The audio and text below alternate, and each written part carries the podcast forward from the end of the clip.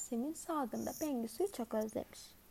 Beraber yaşadıkları güzel anları, komik konuşmaları düşünmeye başlamış. Bunları Bengisu'yla de paylaşmak istemiş. Ama diğer podcastler gibi bu podcast'te jingle, arka plan müziği, reklamlar, açılış ve kapanış konuşmaları yokmuş. Yalnızca arada kedi sesleri duyulabilirmiş. 5 dakikada Mutlu Yıllar Podcast'ine hoş geldiniz.